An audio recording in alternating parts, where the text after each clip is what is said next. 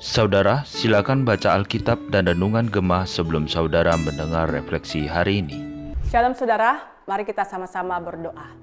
Bapa kami yang ada dalam kerajaan surga, kami mengucap syukur Tuhan untuk setiap anugerahmu yang kau nyatakan dalam kehidupan kami. Kami bersyukur kembali kami merenungkan satu kegerakan membaca Alkitab.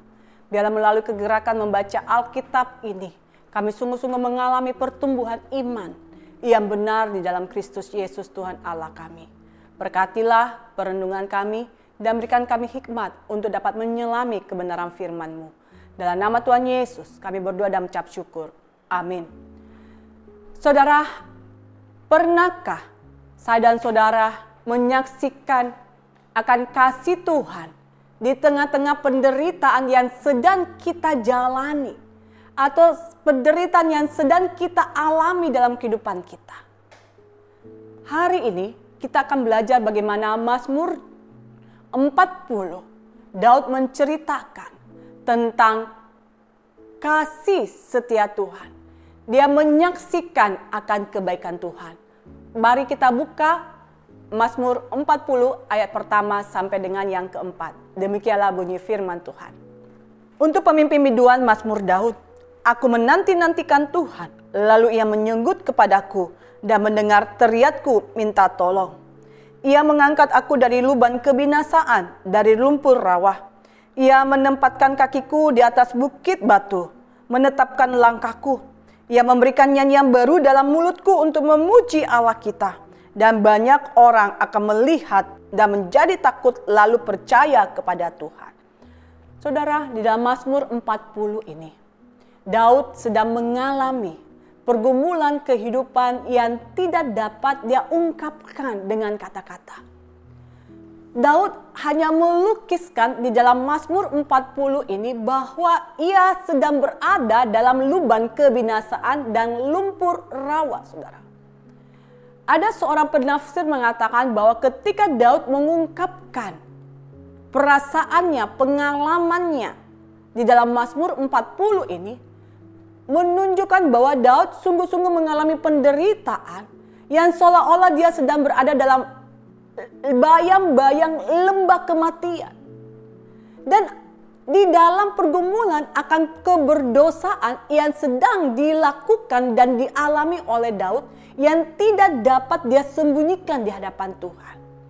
Sehingga di tengah-tengah pergumulan penderitaan yang dialami Daud inilah dia menuliskan Mazmur 40.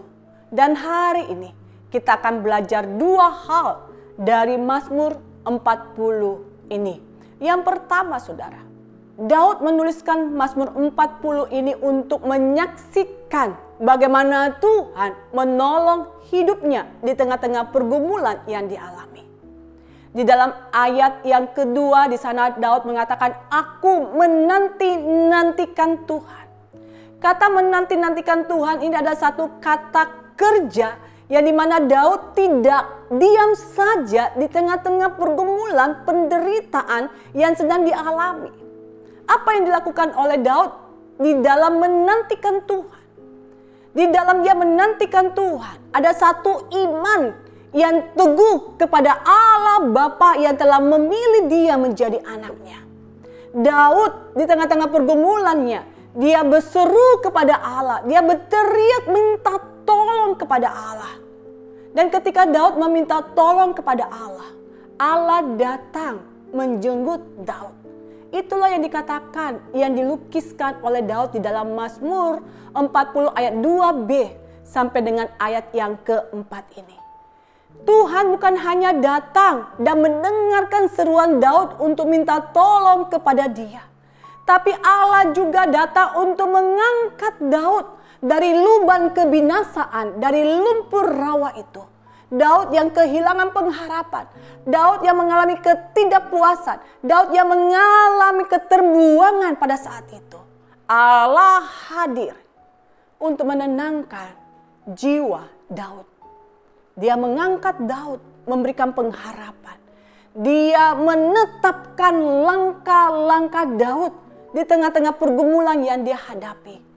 Sehingga ketika dia mengalami Tuhan di dalam penantiannya, hati Daud penuh dengan pujian. Dia menaikkan pujian syukurnya di hadapan Tuhan. Sehingga melalui kesaksian Daud, ada satu pengharapan bahwa orang-orang akan melihat dan menjadi takut, lalu percaya kepada Allah. Itulah kesaksian Daud di tengah-tengah pengumulan yang dia alami, saudara. Yang kedua, apa yang Daud mau saksikan di tengah-tengah pergumulan yang dia alami selain pertolongan Tuhan. Daud ingin menunjukkan akan kasih setia Tuhan, akan rencana keselamatan yang Tuhan berikan kepada Daud. Dan dalam rencana keselamatan yang dialami oleh Daud di dalam Bapa itu menunjukkan satu penggenapan janji keselamatan Allah kepada umatnya melalui Yesus Kristus sejak di Taman Eden ketika manusia jatuh dalam dosa. Di dalam ayat yang ketujuh dan ke-11 di sana sungguh jelas bagaimana keselamatan yang dikerjakan oleh Allah di dalam Kristus Yesus. Ayat yang ke-11 Saudara. Engkau juga ya engkau juga yang tahu ya Tuhan, keadilan tidaklah kusembunyikan dalam hatiku. Kesetiaanmu dan keselamatan daripadamu ku bicarakan. Kasihmu dan kebenaranmu tidak kudiamkan kepada jemaat yang besar. Saudara, ini adalah satu gambaran bagaimana tentang keselamatan yang dikerjakan oleh Allah bagi umatnya, bagi orang-orang yang dikasihinya. Orang-orang yang dipilih dalam kasih anugerahnya. Dan keselamatan ini adalah keselamatan janji penggenapan. Akan keselamatan di dalam Kristus Yesus bagi orang-orang yang percaya. Di dalam nama anak Allah yaitu Yesus Kristus. Dan kita bisa melihat di dalam penderitaan yang dialami oleh Yesus Kristus memberikan satu gambaran yang besar bagaimana Yesus mengalami penderitaan di taman Getsemani perjalanan yang menuju ke Bukit Golgota dan sampai di Bukit Golgota ketika Tuhan Yesus harus tersalibkan. Di sana Yesus berkata, dari salah satu perkataan tujuh kata perkataan salib. Eli, Eli, Sabatani. Allahku, Allahku, mengapa engkau meninggalkan aku?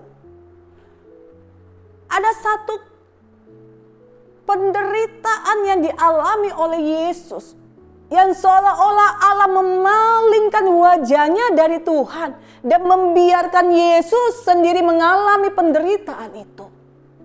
Tapi walaupun demikian saudara, Yesus tetap berpegang teguh dengan hubungannya bersama dengan Bapa. Dia tetap menanti-nantikan waktu Tuhan untuk menggenapi rencana keselamatan untuk semua umat manusia.